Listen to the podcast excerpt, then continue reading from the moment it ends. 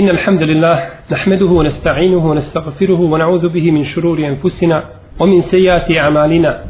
من يهدي الله فهو المهتدي ومن يضلل فأولئك هم الخاسرون. وأشهد أن لا إله إلا الله وحده لا شريك له وأشهد أن محمدا عبده ونبيه ورسوله وصفيه من خلقه وخليله أدى الأمانة وبلغ الرسالة ونصح الأمة وكشف الله تعالى به الغمة وجاهد في الله حق جهاده حتى أتاه اليقين. يا أيها الذين آمنوا اتقوا الله حق تقاته ولا تموتن إلا وأنتم مسلمون.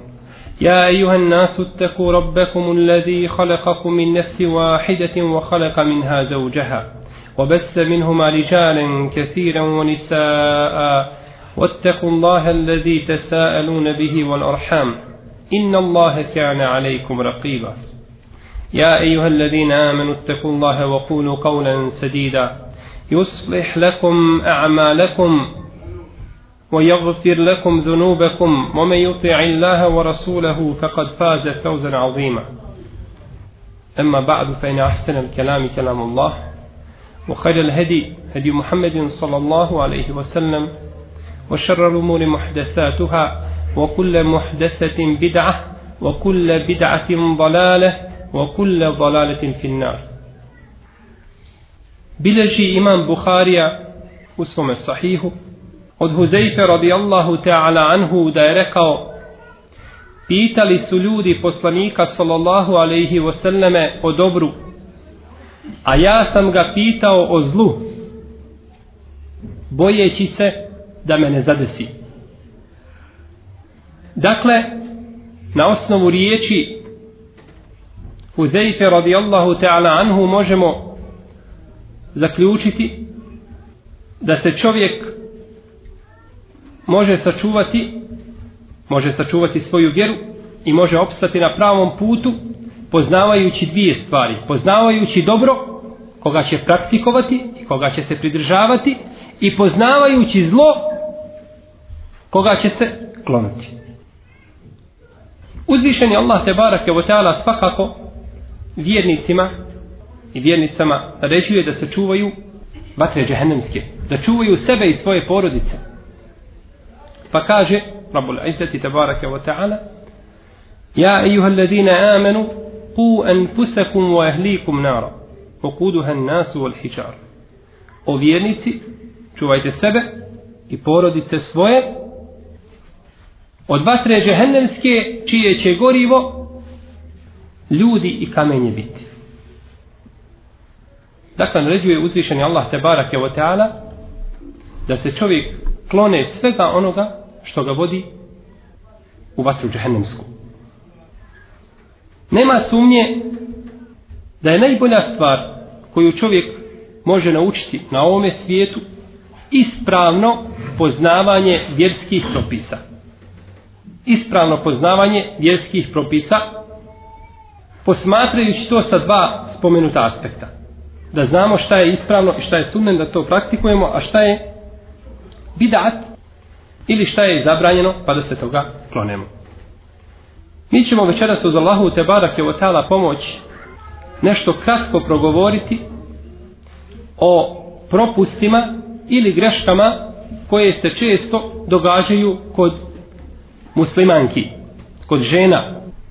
Sigurno da ovi propusti, da su neki od njih vezani direktno ili indirektno za muškarce, No međutim, većina onoga što ćemo spominjati bit će vezano, inša Allahu Teala, za žene. Prvo, pitanje mjesečnice kod žena.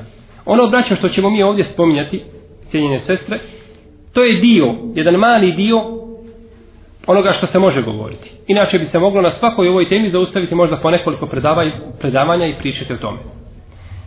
Prvo, mjesečnica kod žene je po našem islamskom učenju potpuno normalna stvar za koju se vežu brojni propisi. I stvar koju je Allah Đelšanu odredio ženama. Nema ona tu udjela. To je od Allaha Đelešanu tako.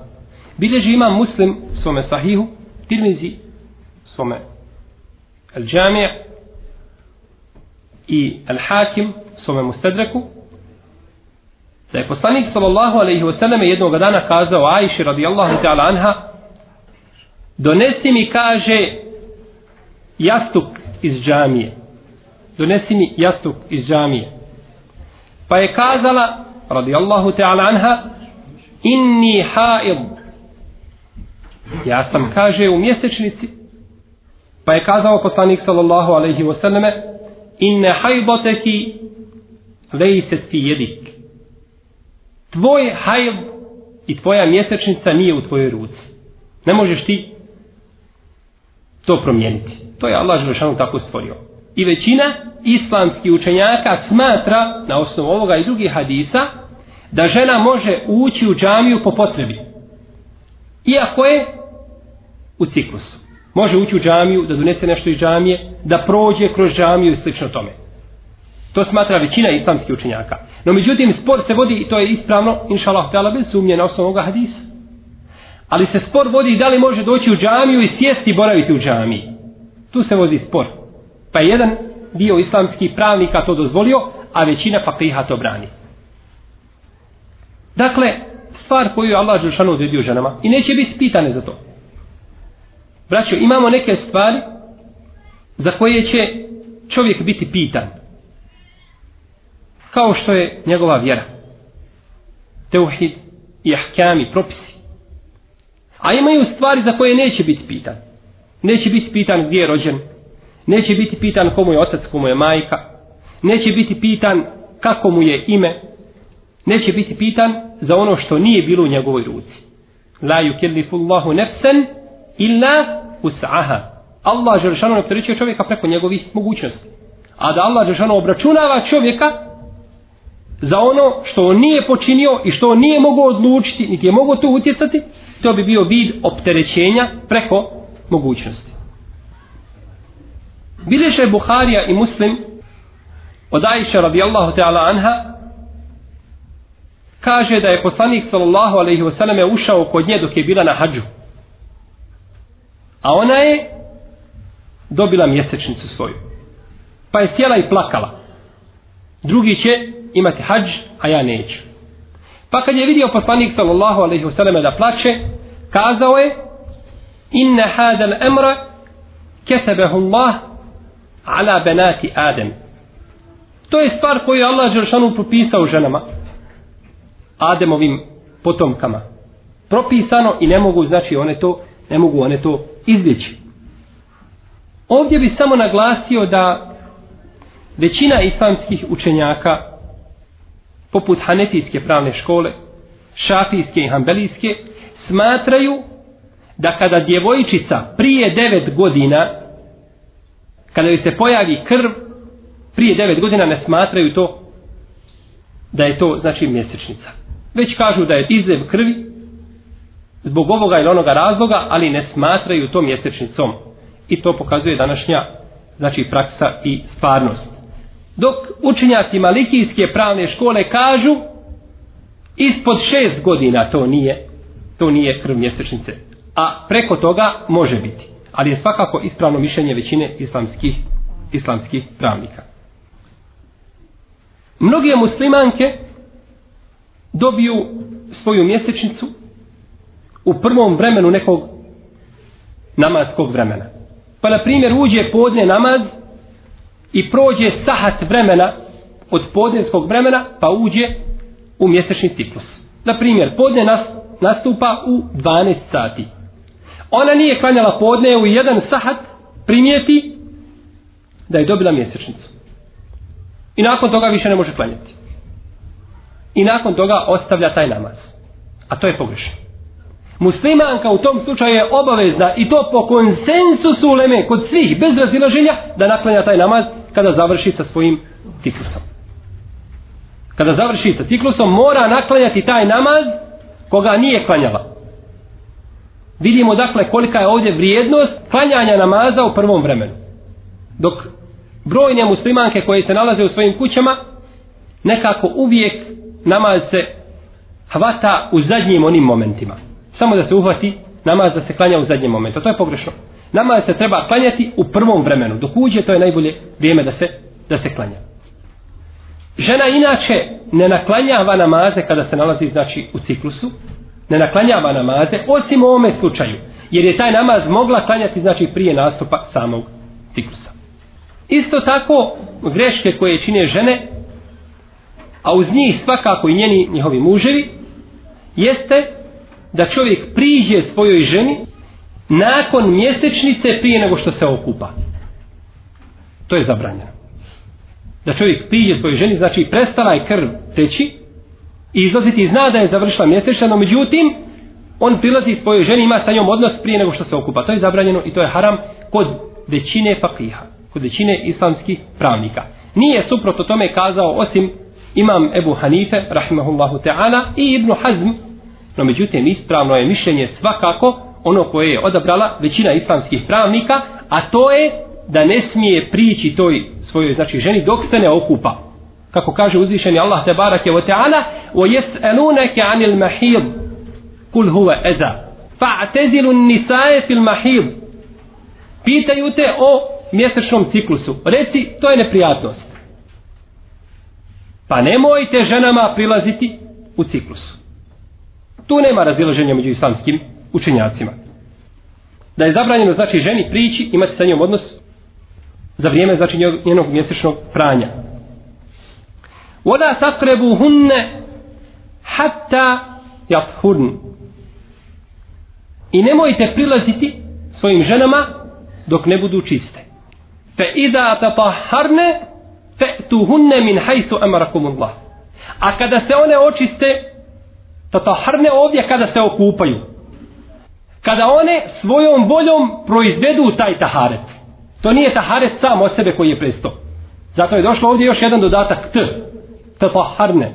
Kada se one svojom voljom očiste, to je se okupaju, onda im prilazite onako kako vam je Allah Želešanu naredio. Ako žena nakon mjesečnog pranja zbog ovoga ili onoga razloga ne može da se okupa, bilo da nema vode, ili da će joj štetiti kupanje, da ima alergiju i slično tome, onda će uzeti samo tejemum. Onda će uzeti samo tejemum i smatraće se kao žena koja se okupala.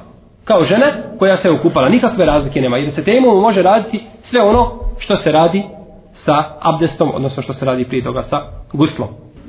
I znači takva žena biva kao ona koja se okupala nakon, znači nakon svoje mjesečnice. Također kod nifasa mnoge žene prave grešku. Pa kaže nifas je 40 dana. I onda prestane možda krvarenje u 20. ili 25. danu i ona do 40. dana sjedi bez krvarenja, sjedi i čeka da dođe 40. dan. To je neispravno. To nije kazao nikud islamski učenjak. Po konsensusu islamskih pravnika, žena kada joj prekine krvarenje i kada se uvjeri da je prekinulo, mora početi. Postiti mora početi klanjati mora početi, ima pravo njen muž da je prilazi i tako dalje. 40 dana je samo ograničenje, ona gornja granica, kada ženi ide krvarenje 40 dana, i dođe u 40. dan i dalje krvari. 41. krvari, e kažu islamski učenjaci, od tad se računa istihadom. I to je najispravnije mišljenje. Ima hadis poslanika sallallahu alejhi ve selleme koga bilježi imam Abu Davud i Ibn Mađe i Tabarani da je poslanik sallallahu alejhi ve selleme odredio tu gornju granicu 40 dana, no međutim neki su muhaddisi prigovarali znači vjerodostojnost ovoga hadisa. Ali to odabrala većina islamskih učenjaka.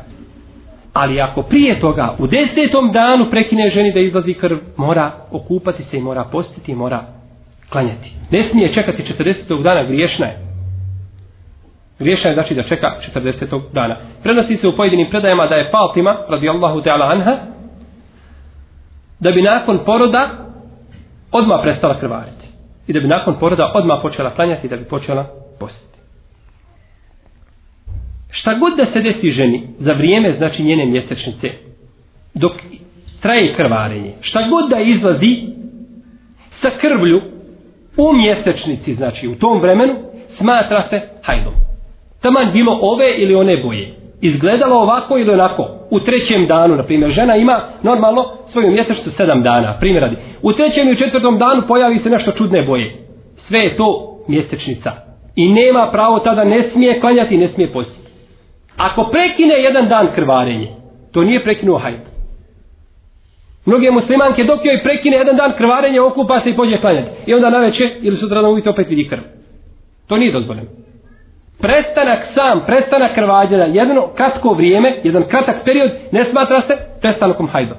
Nego i dalje žena biva u hajdu i ne smije znači klanjati, ne smije postiti, ne smije mi muž prilaziti njen i tako dalje. To je znači za vrijeme, za vrijeme znači samog hajda. I to je mišljenje znači imama četiri pravne škole. Često se puta desi da žena pobaci taj svoj embrion ili zametak, da ga pobaci i onda nakon toga ne zna da li je u nifasu ili nije u nifasu. Šta je sa njom? Kakav je njen hal? Treba li klanjati, treba li postiti i tako dalje. Kažemo, najjače i najprihvatljivije mišljenje jeste da ako je žena pobacila onu mudgu takvog oblika, da se vidi glava kako je formirana, da se vide udovi tijela kako su formirani, to se smatra, to se smatra nifasom. I tada znači mora čekati dok ne prestane krvarenje. No međutim, ako pobaci žena samo krv ili ugrušak jedan obični u koga se ne razaznaje šta je glava, šta su ruke, šta su noge i tako dalje, onda je ispravno kod islamskih učenjaka da se takva smatra mustahadom. Kao da je istihadi, pa će se abdestiti, znači, za svaki namaz i klanjaće i postiće i neće, znači, ostavljati ništa od ibadeta. Također, greške koje čine žene, brojne muslimanke, jeste to da brane svojim muževima, da se približavaju njima i da se naslađuju njihovim tijelima dok se nalaze u svojoj mjesečnici. Dozvoljeno je čovjeku da priđe svojoj ženi i da se naslađuje njenim tijelom dok se nalazi u mjesečnici i dozvoljeno je da čini sa njom sve osim spolnog odnosa. Pitanje poslanik sallallahu alaihi wasallam o naslađivanju sa ženom koja se nalazi u mjesečnici pa je kazao isna'u kulle šein illa l'đima' kaže činite sve osim spolnog odnosa. Ne smije znači čovjek samo spolni odnos ima sa ženom, a sve drugo može činiti. I zato je Aisha radijallahu ta'ala anha govorila kako bilježi Buharija u svome sahihu, da bi je poslanik sallallahu alaihi sallam naredio da se opaše sa jednim platnom donji dio svoga tijela i da bi se onda naslađivao njenim tijelom, a kaže ja sam bila, ja sam bila u hajdu. Naravno, ovo se odnosi na čovjeka koji je siguran u sebe da neće upasti u haram. No, međutim, kada bi čovjek znao svoju slabost i da ne može vladati sa svojim prohtjevima, onda mu kažemo da mu je zabranjeno da prilazi svoje ženi. Isto kao kada se nalazi u danima Ramazana. Čovjeku je dozvoljeno u danima Ramazana da zagrli svoju ženu, da je poljubi. No međutim, ako bi znao svoju slabost da neće izdržati i da može učiniti ono što je Allah Žešanu zabranio, onda će, onda će, znači, proći se i ostaviti takav, takav postupak. A svakako, imati odnos sa ženom u njenoj mjesečnici, to je braćo veliki grije. To je keviretun minel kebair. Veliki grije. U hadisu koga bilježi imam Nesaji, Tirmizi ibn Mađe od Ebu Hureyra radijallahu ta'ala anhu kaže da je poslanik sallallahu alaihi sallam rekao ko ima odnos sa svojom ženom dok se nalazi u mjesečnici takav je čist od onoga što je spušteno Muhammedu. Čist je od onoga što je spušteno Muhammedu. Znači, ne pripada ome umetu. Jer je jasno odstupio od upute poslanika sallallahu sallam čineći veliki grije. Bilež ima muslim u svome sahihu vezano za ove hadise o kojima smo govorili kada je poslanik sallallahu alejhi ve selleme dozvolio ashabima da znači naslađuju se sa svojim ženama dok su u mjesečnom ciklusu kazali su židovi ovaj čovjek misle na poslanika sallallahu alejhi ve selleme, neće da ostavi ni jednu stvar a da ne čini suprotno onome što mi činimo. Šta god da mi činimo, kaže on čini suprotno tome.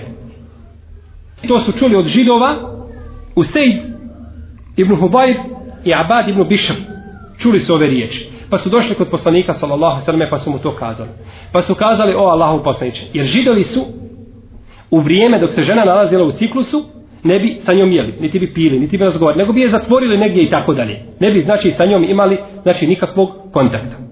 Pa kad su to čuli ashabi, kažu, o Allahu poslaniče, zar nećemo još više se razlikovati od židova, pa da imamo i odnos sa ženama dok se nalaze u mjesečnici. Toliko su, znači, ashabi bili brižni da se razlikuju od židova, kažu, pa za nećemo imati odnos sa njima. Pa poslanik, sallallahu sallam, kada je to čuo, naljutio se. Pa su otišla ova dvojica.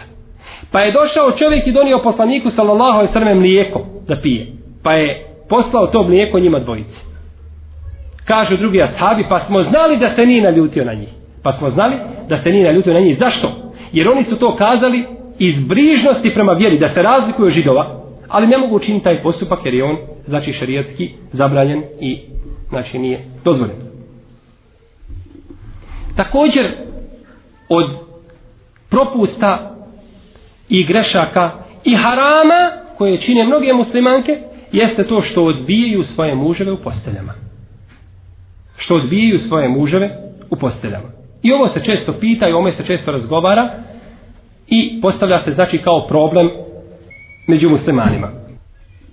Bileže Buharija i muslim od poslanika sallallahu alaihi wasallam da je rekao Iza da'a ređulu imrajetehu ila firašihi felem te'ti febate gadbane alejha la'net hel melaiketu hatta tusbih ako jedan čovjek pozove svoju ženu da mu se odazove u posteli, a ona to odbije, ne pristane, kaže, proklinjuje meleci sve dok ne osvane.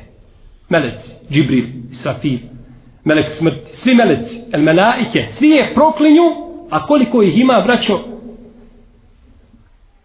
to naš razum ne može zamisliti. Zamislite da nema na nebesima ni na jednom nebu, da nema koliko za četiri prsta, a da tu melek nije na seždi ili na ruku. Svi ti meleki nju proklinju. Zbog njenog, zbog njenog postupka koji je učinila.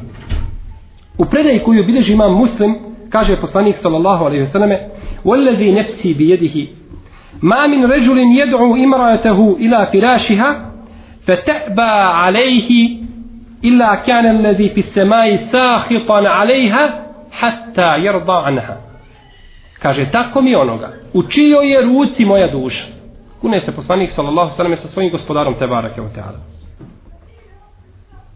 koji god čovjek pozove svoju ženu da mu se odazove u postelj a ona odbije ne pristane na to kaže bit će ljut na nju onaj koji je na nebesima sve ha, sve dok se njen muž ne odljuti.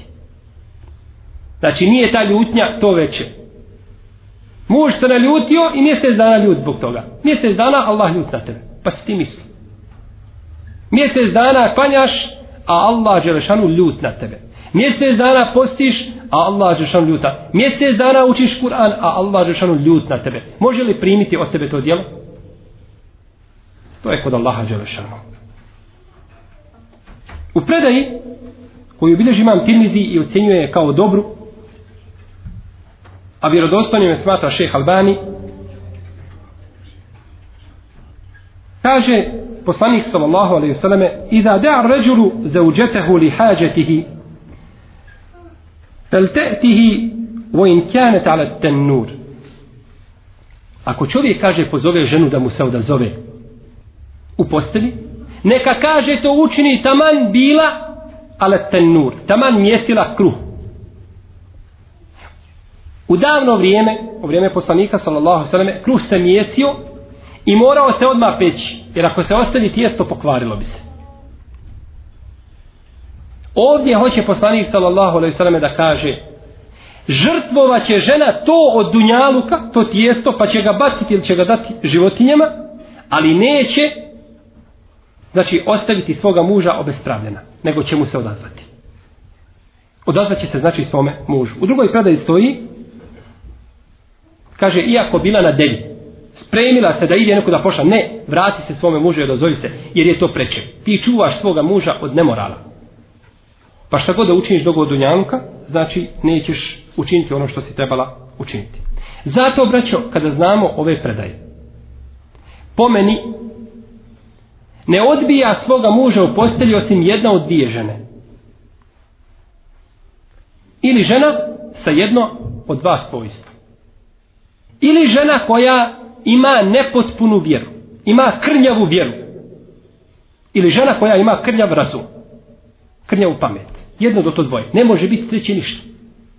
Jer žena koja zna da poslanik sallallahu alejhi ve selleme kaže da će proklinjati svi meleki do sabaha.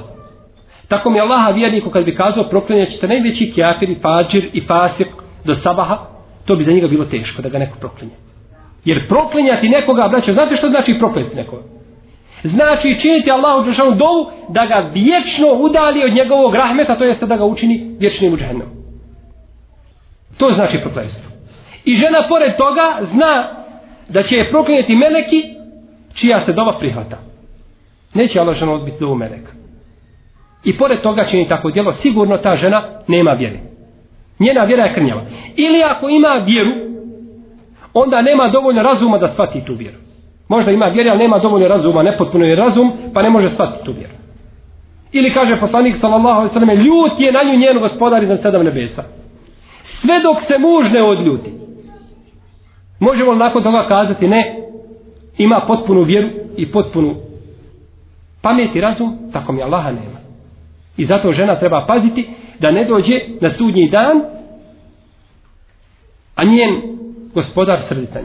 Jer što mislite da te večeri ili u tim danima žena preseli? Dolazi pred Allah Žešanu, Allah Žešanu srditanj. Sigurno da je to, da je to ružan postupak.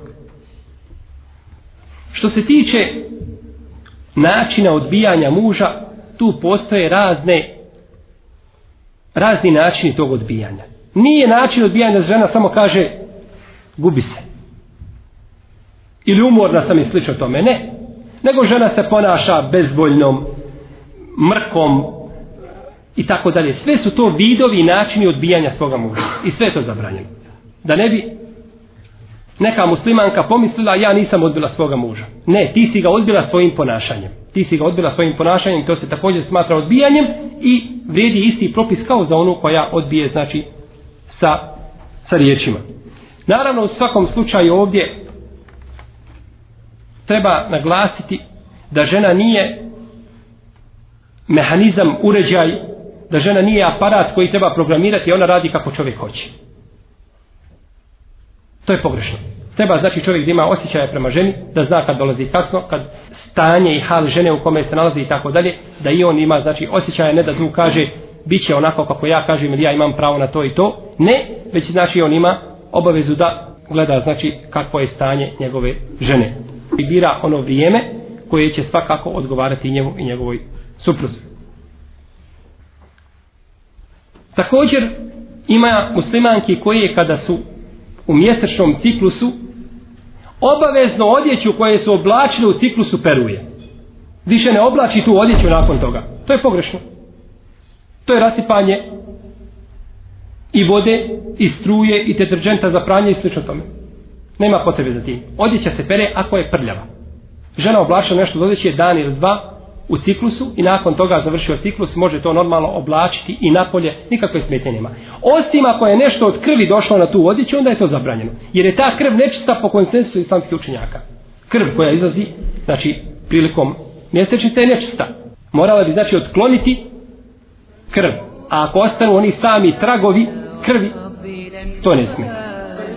يقول عن حجابي أنه يفني شبابي وليغال في عتابي إن للدين انتسابي لا وربي لن أبالي همتي مثل الجبال. أي معنى للجمال إن غدا المنام يقول عن حجابي أنه يفني شبابي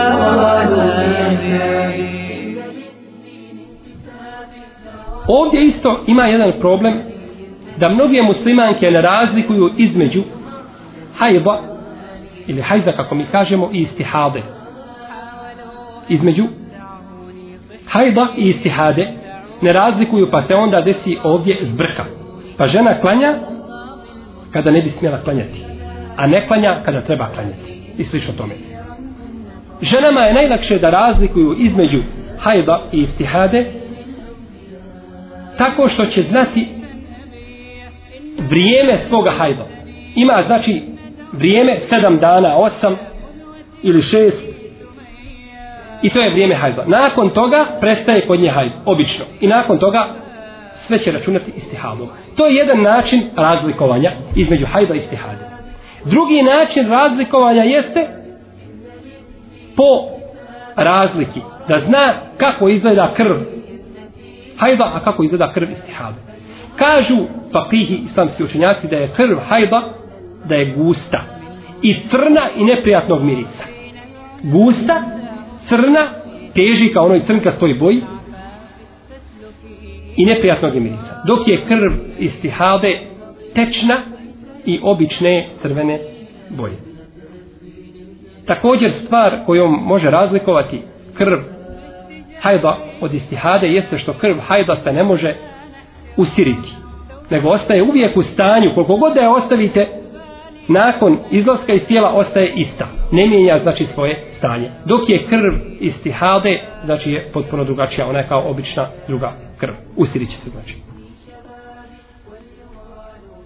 Ako i nakon toga ne može razlučiti između hajda i istihade, onda će se vratiti na običaj većine žena koje imaju, znači, hajd između šest i sedam dana. Kako je došlo u hadisu, koga bilježi, imam Tirmizi i smatra ga vjerodostojnim, a dobrim ga smatra imam Al-Buharija. Ili da se vrati na svoje rođakinje, bližnju rodbinu, majka, sestra, tetka i tako dalje, da vidi koliki je znači taj vremenski period kod njih, hajda i računaće taj isti vremenski period, a sve što dođe nakon toga računaće da je istihab. I žena koja se nalazi u istihabi, ona je čista, mora klanjati, mora postiti i ima pravo da spoji dva namaza sa jednim abdestom. Može znači spojiti dva namaza sa jednim abdestom. Po konsensu islamskih učenjaka kako navodi imam neuvi. Znači, sačeka podne namaz, pa ga odgodi malo prema zadnjem vremenu, abdesti se za njega i sačka znači onda vrijeme i Indije i klanja to sve sa jednim, sa jednim abdestom. Što se tiče abdesta, jedna od najizrazitijih greški koje muslimanke čine jeste da, na primjer, dok se nalazi u nifasu ili u mjesečnom ciklusu, da stavi lak na nokte. Nalakira svoje nokte i tako boravi i onda se očisti prođe vrijeme, znači, ciklusa ili nifasa i onda ode da se okupa i klanja, a ne skida taj lak sa nogu i sa ruku. Takvo kupanje je batil pokvareno ko svi islamski učenjaka. I takva se ne smatra onom koja se okupala. Mora ponoviti svoj gusul, svoje kupanje. Jer je lak takva materija koja spriječava dolazak vode do, do nokta. I to je neispravno. Mora znači skinuti to i onda nakon toga nakon toga se okupati i tek tada se kupanje znači smatra validnim i ispravnim. Što se tiče namaza, brojne su tu greške koje su vezane i za muškarce i za žene općenito zajedno. No međutim, žene se ipak ovdje ističu sa nekoliko znači tih greški. Prvo jeste što smatranje da žena klanja drugačije nego što klanja čovjek. Da žena ima način kako klanja, a da čovjek ima način kako klanja. Ne. Čovjek i žena klanjaju na isti način. Namaz je jedan. I za muškarca i za ženu. Propisan. I takav došao u sunnetu poslanika sallallahu alaihi selleme I ništa u sunnetu nema. Ama apsolutno ništa što ukazuje da žena klanja na nekakav drugačiji način. Bilo da se radi o vezanju ruku bilo da se radi o stajanju, bilo da se radi o ruku, o seždi, nema nikakve razlike. Namaz je jedan i za muškarca i za ženu. Bileži imam Buharija u svome sahihu od Umu Darda Sugra, a bila je izraziti poznavalac islamskog prava da je klanjala kao što ljudi klanjaju. Da je klanjala kao što ljudi klanjaju. Ima predaja, tačno, ima jedna predaja kod Ibnu Ebi Šejbe od Ibnu Abbasa, koja je, Allah zna, najbolje vjerodostojna. U kojoj Ibnu Abbas rekao da će se žena na seždi malo skupiti. da će se žena na seždi malo skupiti. Znači neće širiti ruke u stranu i neće se ona, znači neće to činiti kao muškarac, već da će se skupiti. Ova predaja Allah najbolje zna, to su prvo riječi Ibn Abbasa, od poslanika sallallahu alaihi sallam, nema ništa o tome. Poslanik alaihi sallatu sallam kada je nama govorio kako ćemo klanjati, on je govorio i nije govorio vi ovako, a žene ovako, nego je govorio za sve općenito. A poslanik sallallahu alejhi ve selleme kada ne razdvaja između muškaraca i žena, onda ostaje znači taj propis općenit, dok ne dođe drugi dokaz koji ukazuje da se to odnosi samo znači na jednu od dvije skupine, ili za muškarce ili za žene. A ako prihvatimo ovu predaju Ibnu Abbas, onda ćemo kazati, to se odnosi ako bi žena klanjala možda negdje na otvorenom, poput Musalle, gdje ima ljudi, pa ljudi prolazili pored toga, pa može nekome da padne oko na žene dok klanjaju i tako dalje, onda kažemo žena će se tu malo skupiti, neće klanjati na onakav način, znači da se širi, da se ne bi otkrilo nešto od njenog tijela i tako dalje. To je prihvatljivo u svakom slučaju. No, međutim, da se uzme za običaj da žena klanja drugačije nego čovjek, to je neispravno. Poslanik sallallahu alejhi ve selleme kaže: "Sallu kama ra'aytumuni usalli." Klanjajte kako ste mene vidjeli da klanjam. A žene su bile sa poslanikom sallallahu alejhi ve sellem u džamii, u istoj džamii klanjale. Muškarci bili za muškaraca bile žene. U jednom se hadisu navodi da su djeca bile između njih, koga bilježi ima Ahmed i Nesai, a taj hadis je slab, nije vjerodostojan. Ima slab lanac prenosilaca, u njemu ima Šehar ibn Haušer, jedan prenosioc koji nije vjerodostojan kome su prigovarali neki muhadisi. I žene su klanjale za poslanika sallallahu alejhi ve sellem. I on kaže klanjajte kako ste vidjeli mene da klanjam. I žene su znale kako je poslanik sallallahu alejhi ve sellem klanjao. I hadis je općenit. Kogod kaže ovaj hadis se odnosi na muškarce, mi kažemo daj nam dokaz. Onda ćemo svaki hadis koji je god došao u šerijat kazati ne to se odnosi na muškarce ili na žene. I svako tumačiti po svome. Ne, zato mora biti dokaz. A dokaza u sunnetu poslanika sallallahu alejhi ve sellem nema. Onaj ko kaže da žene klanjaju drugačije nego muškarci, on koristi logiku. Kažu to je žena, to je za nju skrivenije, to je ovako, to je... Poslanik sam se najbolje zna kako je za ženu skrivenije. I on je pojasnio kako mi trebamo klanjati i kako žene trebaju klanjati. I kako sa sahabike klanjale. Tako znači da nema razlike između muškarca i žene u pogledu u pogledu namaza. Također, od greški, izraziti greški koje čine muslimanke u namazu, jeste otkrivanje stopala otkrivanje stopala. Klanjaju, a stopala su otkrivena. Takav namaz je kod većine fakiha i većine islamskih učenjaka baltil pokvaren. Takav namaz. Žene koja klanja otkriveni stopala, kod većine islamskih učenjaka je pokvaren i neispravan. Žena mora u namazu pokriti svoja stopala. Nema ništa što ukazuje da žena u namazu može otkriti stopala. Ne moraju stopala biti pokrivena čarapama, nego moraju biti pokrivena odjećom koja pada do zemlje. Zato je najbolje ženi muslimanki da ima odjeću posebno za namaz. Koja će biti duga, pa će padati možda ili pedal ili dva na zemlju, dok ona stoji na kijamu. I kada učini ruku i seždu, kako god da to učini, ne može se otkriti. Znači, ne mogu se otkriti njena stopala. Ako slučajno namazu, ne njenom željom, slučajno se otkrije nešto, može to pokriti. To neće išala pokvariti namaz. A da klanja namjerno i da otkriva stopala i tako dalje, to nije to nije dozvoljeno. Što se tiče posta, brojni su isto propusti i greške koje čine žene u postu. Jedna od izrazitih greški koje se čine jeste to da žena prije nastupa zore prekinio znači njena mjesečnica. A ona to ne prati. A ona to ne prati.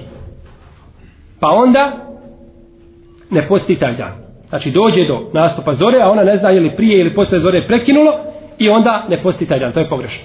Zato su ashabike jako dobro obraćale pažnju znači, na, na, na ovu stvar i stavljale su sebi znači, kutnu da bi znači, mogle vidjeti kada je izišao znači, onaj mazeto tuhr, kada je znači, prestalo krvarenje. I žena koja prestane krvariti, prije nastupa zore. Prije nastupa zore, iako pola minute ili jednu minutu, mora postati taj dan. Iako se kupala nakon nastupa zore. Kao čovjek koji ustane džunup. Čovjek se uđunupio. Bilo sa svojom ženom ili da je u snu se uđunupio. I prespavao do zore. I ušla zora. I ustao. Šta će raditi? Okupati se i postiti. Ne mora niti kepare činiti. Normalno postiti. Tako i žena Ako je prestalo krvarenje, prestalo krvarenje prije zore, okupat će se nakon nastupa zore i posti taj dan. Također, brojne muslimanke smatraju da unutrašnji pregled žene, kod znači ginekologa, žene svakako, jer čovjek ne smije voditi znači svoju ženu kod muškarca ginekologa ako ima žena. Takav pregled da kvari, da kvari post. To ne kvari post. Taman taj pregled bio kod muškarca, zato što nema žene, ni to ne kvari post. Takav pregled ne kvari post. Vađenje zuba i sliše stvari, to su stvari sve koje ne kvare post. Jer ništa se time ne unosi u čovjekov organizam. Iako čovjek može umanjiti vrijednost posta ako učinio stvar koja je zabranjena, kao na primjer rukovanje koje ćemo spominjati, može znači umanjiti vrijednost tog posta, ali ga ne može samim tim činom pokvariti. Jer, na primjer, rukovanje, rukovanje je zabranjeno. Između muškarca i žene koji nisu u rodinskoj vezi, koji nisu mahremi, je zabranjeno, haram. Zbog riječi poslanika, sallallahu alejhi ve selleme da ruka čini nemoral, a da je nemoral ruke dodir. Najispravniji hadis koji brani rukovanje. Ima i drugi hadisi u kojima se kaže da je bolje čovjeku da se probode sa šilom željeznim, da probode svoju glavu i tako dalje, nego da dotakne njegova ruka, ruku žene koja mu nije mahrem. No međutim, oko ovoga hadisa postoji spor. Ali hadis koga bilježima muslim, da ruka čini zinaluk, a zinaluk ruke je dodir. A zinaluk ruke je dodir. Isto tako, nema smetnje da žena proba hranu koju kuha, da stavi hranu na jezik da vidi da li je hra, hrana, da li je dovoljno slana i slično tome, nema znači smetnje da to jezikom, da to jezikom proba, ali ne smije znači ništa otići u njeno grlo. Što se tiče hađa, greške koje se čine na hađu su također brojne. Mi ćemo ovdje spomenuti samo neke od njih. Mnogi muslimanke smatraju kada dođe na mikat da mora imati posebnu odjeću za hađ. za ihram, jeli? Bilo da se radi o boji, o izgledu i tako dalje. Smatra da mora imati posebnu odjeću. To je pogrešno. Ženi ni ihram je njena odjeća u kojoj je došla. To je njen ihram. To je njen ihram. Ako ženi dođe mjesečnica za vrijeme hađa, dok se nalazi na hađu, čekat će da prestane ta mjesečnica i onda će otići do mesčida Ajše radijallahu ta'ala anha i tamo će obući i hrame i ponovo se vratiti i nastaviti sa hađskim obredima. To je znači ono što je poslanik sallallahu sallam ukazao Ajši i kazao je da tako znači čini. Danas vidimo kada odemo na umru da mnogi muslimani izlaze do mesčida Ajše da tu oblače i hrave ponovo i dolaze ponovo u Meku i čine drugu umru. I tako ima koji obave po šest ili sedam umri.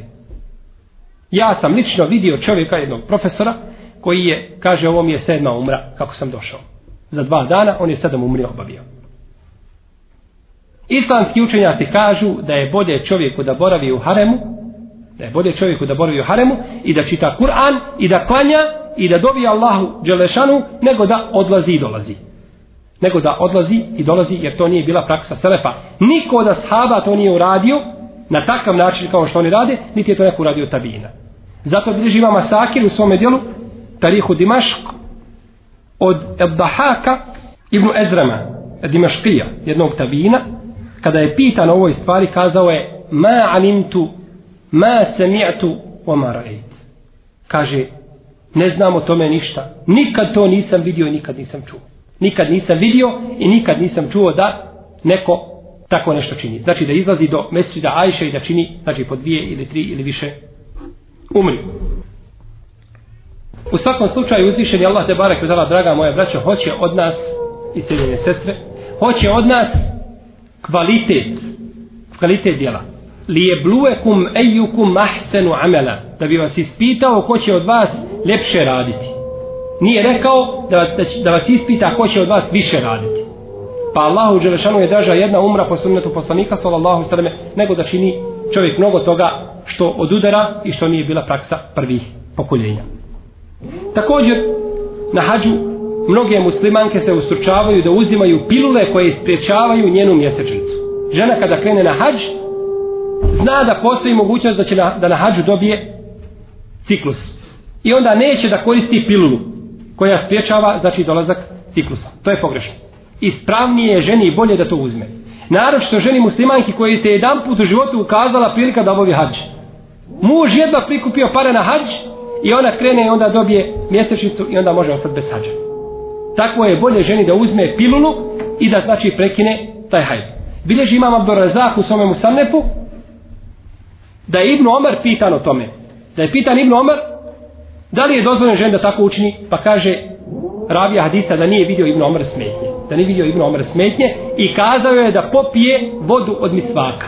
Da će to spriječiti znači njenu mjesečnicu. I to je mišljenje još nekih drugih učenjaka znači Selefa i ovo je odabrao također imam Ahmed kako spominje Ibn Kudame ul Mugniju, a prije njega Ebu Davud, njegov učenik Estiđistani u svome dijelu Al-Mesajim.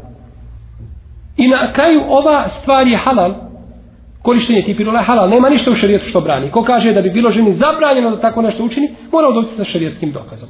A nema znači u šarijetu ništa što to, što to brani. Jeste. Ovo je znači naročito odnosi za žene koje su koje nemaju znači priliku da obavljaju svake godine ili rijetko da obavljaju hađ, već im se znači ukaže jedna ili dvije prilike u životu, onda sigurno nije ispravno znači da jeli, izgubi jednu od tih prilika. Ovo o čemu smo govorili su bile samo neke greške koje se čine i koje su prisutne kod mnogih muslimanki vezano za ibadete, vezano znači za sama obrazoslovlja i taharet oko čega smo govorili vezano za hajd i nifas i istihab. Mi ćemo za Allahu te barake otala pomoć spomenuti možda još neke greške koje se čine vezane naročito u talaku, u razvodu braka. I to je oblast po meni, smatram da je to oblast kod koje se najviše novotarija i najviše prestupa čini.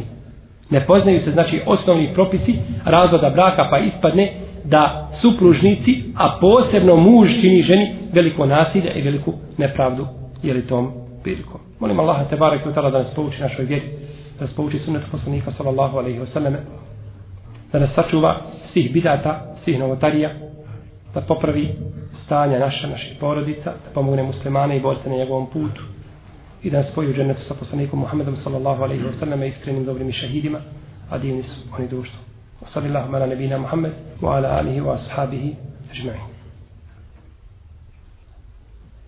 Ako sestre imaju pitanja vezano za ovo o čemu smo govorili ili mimo toga mogu to postaviti pisanim putem. Koji su to učenji, učenjaci koji dozvoljavaju da se vide ženi stopalo namazu i šta su im dokazi? To je hanefijska ulema, učenjaci hanefijske pravne škole, oni dozvoljavaju, I to je dozvolio također šehol Islam ibn Taymije, rahimahullahu ta'ala, on je dozvolio znači da se vide stopala žene u namazu. Stopalo je do članka. Mimo članka gore niko nije, o tome nema, apsolutno nema priče. Znači ovo je znači do članka. To je to se smatra stopalo. Tako da to se znači dozvole ovi islamski učenjaci. Šta su im tačno dokazi, čime podupiru ovo mišljenje ne bih sada mogao kazati i da li imaju neke validne argumente, ali svi znači ovaj dokazi i sunneta poslanika sallallahu alejhi ve ukazuju da je znači da je stopalo žene avret u namazu. Dobro. Pitanje tako je. Pitanje sad glasi u red. Znači sve muslimanke na svijetu koje klanjuju i drže sa nefijskom meseba, njihov namaz je pokvaren. Batin, ne valja namaz. A osoba koja ne valja namaz, što mu je ostalo vjere? Ništa. Znači te naše muslimanke su u velikoj opasnosti. Kažemo ovdje, ne. Nije tako.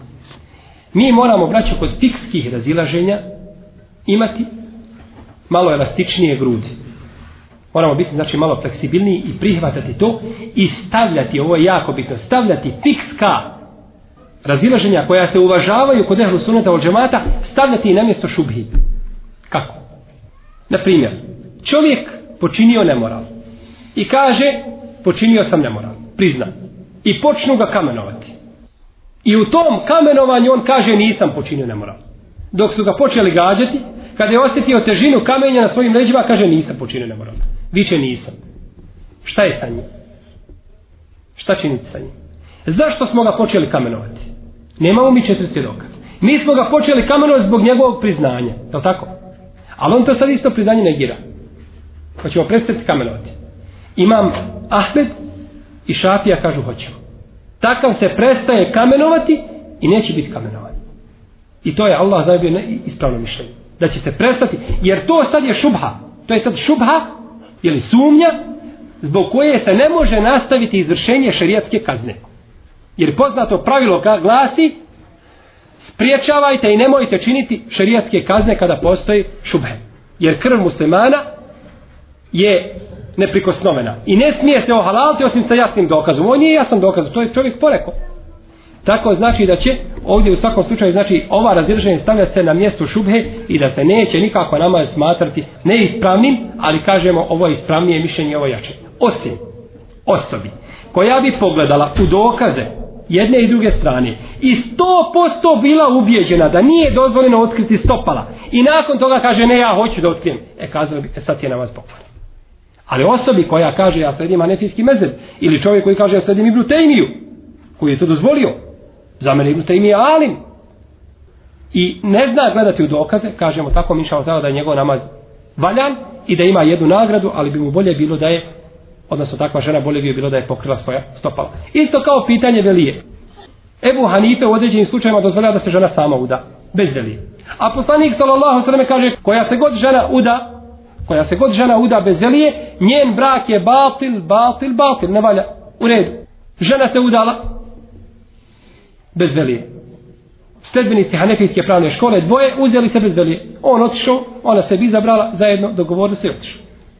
Udala se za njega. Šta ćemo? kazati da su zinalučari? Ako kažemo da su zinalučari, moramo izvršiti na njima šarijetsku kaznu. A to je bićevanje. A ona ko je oženjen, pa nju uzeo drugu, njega moramo kamenovati? Nikako. Nego tu mišljenje Ebu Hanife stavljamo kao šubhu. Pa kažemo, ne, vratite se nazad i obnovite akt sa velijom i živite zajedno.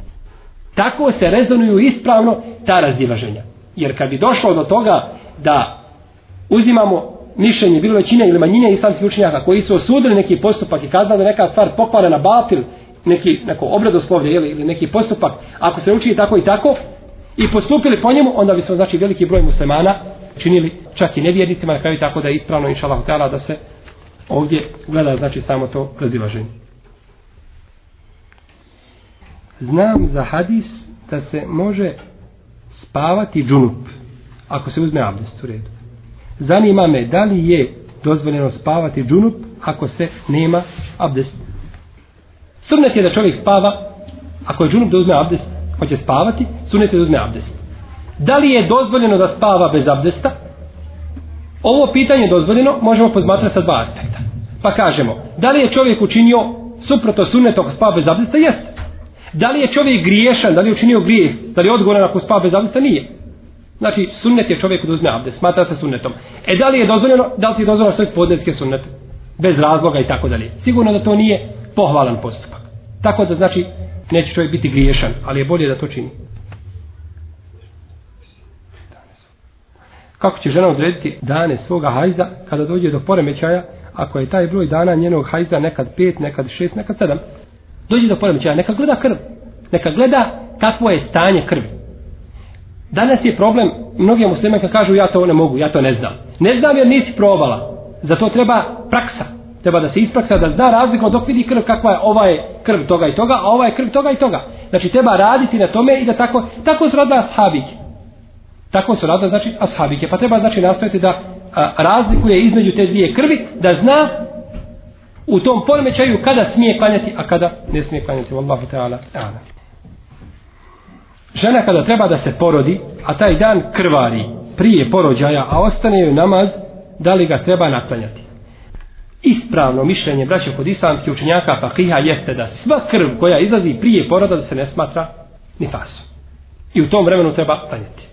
I taj će namaz zaklanjati kada završi sa svojim nifasom. Kao ono što smo govorili kada žena uđe u podnevsko vrijeme, sahat vremena, pa nije klanjala, pa završi sa mjesečicom, naklanjati taj namaz. Isto tako ovdje, žena će znači naklanjati ovaj namaz jer se to ne smatra jer se to ne smatra fasom i to je najprihvatljivije mišljenje i najlakše za žene najlakše za žene jer neka ženi dođe da krvari dan, dva prije toga, pa stane, pa možda produži se više dana i tako dalje, to bilo veliko opterećenje za ženje a nema ništa što ukazuje da bi to bila krv ni pasa, već je poznato da krv ni pasa počinje sa izlaskom djeteta, znači iz majčine utrebe, Allah ta'ala.